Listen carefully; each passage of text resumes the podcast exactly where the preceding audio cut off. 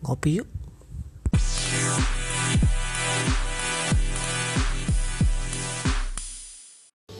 Hai halo. Kayaknya hari ini cerah mendung cerah mendung ya. Beberapa hari belakangan juga setelah panas tiba-tiba hujan. Hmm, Tapi buat kalian yang teman-teman buat teman-teman pendengar podcast ngopi yuk ya nikmatin aja. Kalaupun hawanya lagi panas enaknya minum yang es. Ya kopi, kopi yang es terus kalau dingin dingin enaknya minum yang hangat hangat hmm, kali ini gue mau ngomongin tentang kopi lagi cuman yang base nya espresso. Kenapa gue bahas ini? Mungkin untuk beberapa teman-teman yang baru mengenal kopi bisa jadi acuan ya. Kenapa sih uh, base espresso itu sedikit uh, penting sih untuk teman-teman sekalian buat yang mau mulai ya? Jadi base espresso, base espresso itu banyak banget macamnya.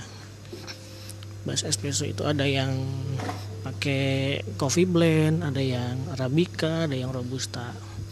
Nah tapi dalam espresso itu uh, banyak banget produk atau olahan yang bisa diturunkan. Contohnya kayak kopi susu terus uh, latte cappuccino dan lain-lain.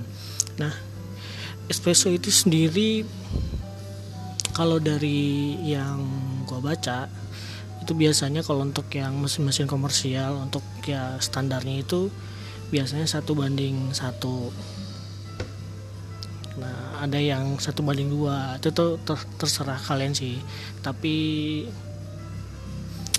uh, base nya itu rata-rata sih untuk uh, espresso satu banding satu ya. Jadi satu gram kopi untuk satu mili air dan ingat juga kalau untuk air itu masa jenisnya sama ya 1 gram per mililiter. Jadi mau gram atau mili untuk air itu sama. Nah apa aja sih yang uh, bisa diturunin dari espresso ini? Tadi di awal udah gue singgung kalau espresso itu uh, bisa turun untuk uh, produk varian es kopi susu terus cappuccino latte.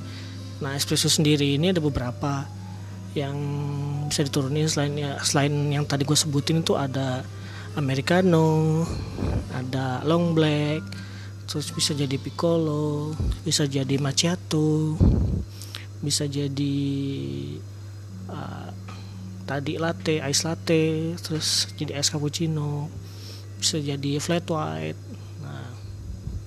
Tapi kayaknya untuk ngebahas lebih dalam ke sana kayaknya gue harus ngebedah dulu kenapa espresso itu jadi hal penting untuk uh, produk uh, kopi ya gitu.